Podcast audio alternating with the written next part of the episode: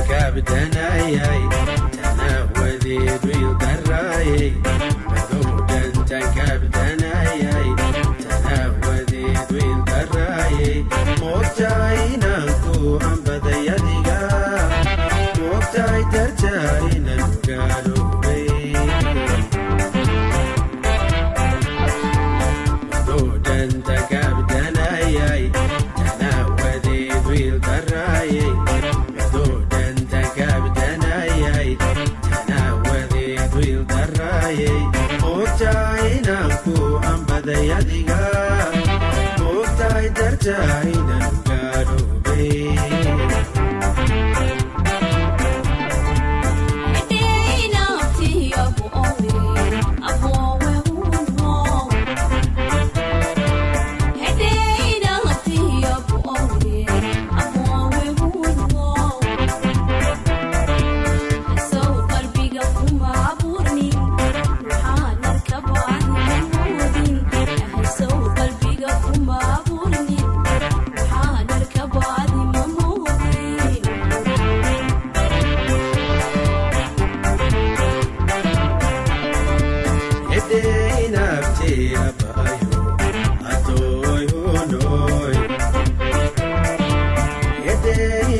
you.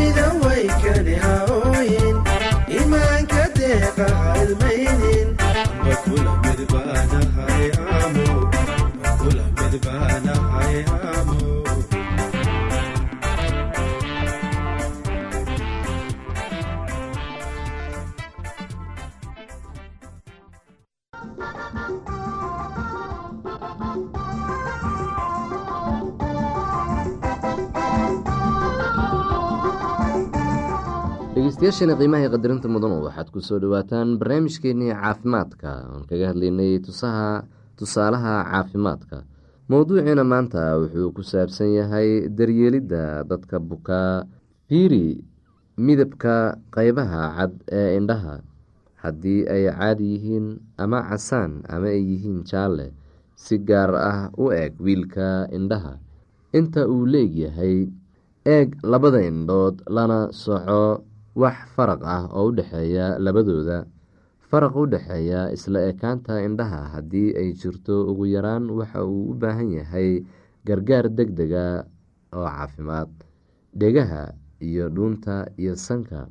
Dhegaha had iyo jeer hubi calaamadaha caabuqa iyo xanuunka dhegaha gaar ahaan carruurta qandhan ama hargabsan dhuunta iyo afka ilays ama toosh ku baar afka iyo dhuunta. Sanka sanka ma qulqulaa mise waa carun yahay. Ogow ama garo hadba sida ugu sida ugu neefsan karo sanka. Maqaarka waa lama huraan in la baaro qofka jirkiisa oo dhan. Waxba ma dhibayso sida jirku u boko hadday iska sahlan tahay dhallaanka iyo carruurta waa in la qaawiyaa si gaar ah wax kasta oo kheyro caadi ah oo ay ka mid yihiin boogaha dhaawacyada ama jajabka. Waxaa jirka ka soo yaaca boogaha baraha iyo wixii aan calaamad caadi ah ahayn.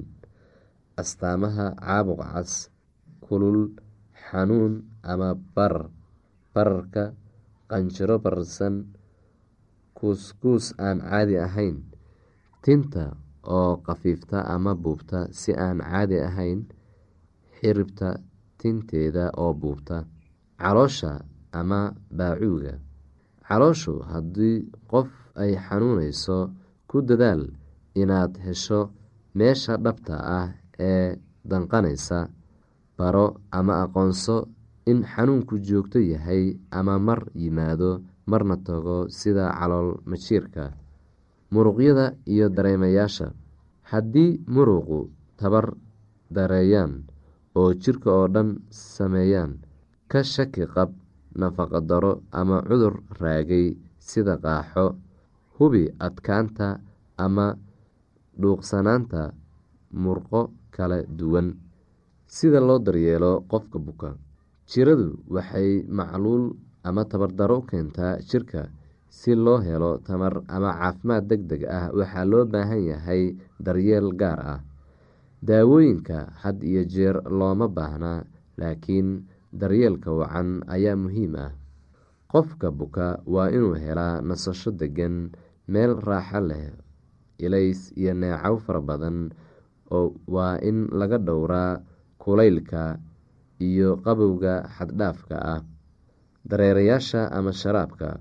Ugu dhowaan jiro kasta gaar ahaan marka ay jiraan qandho ama shuban qofka jiran waa inuu cabaa sharaab fara badan biyo shaah ama waxyaabo kala duwan.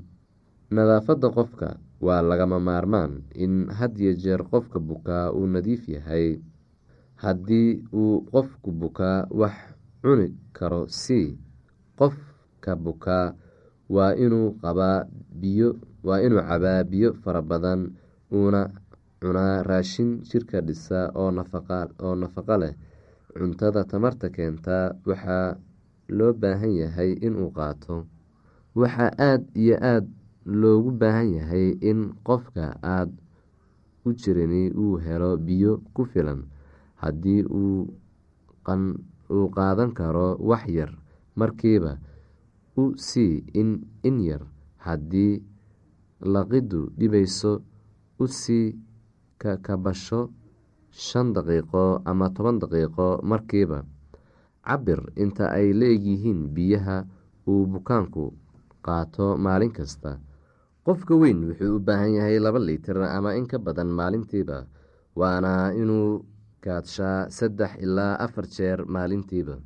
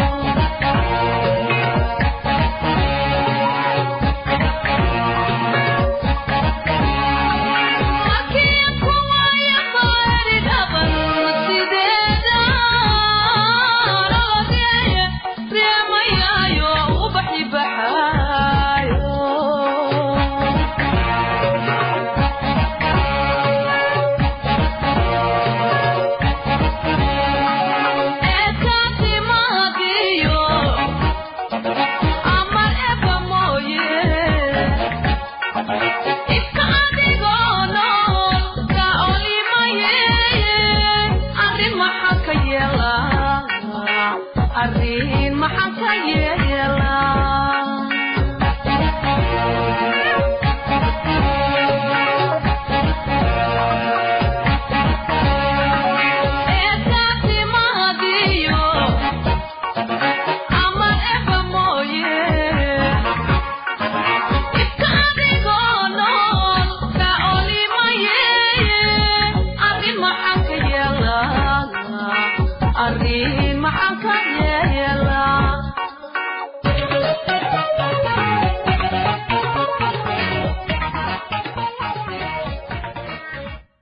haasaawo tegidda waxay abuurtaa dhibaatada ugu weyn ee haysata dhallinyarada maanta.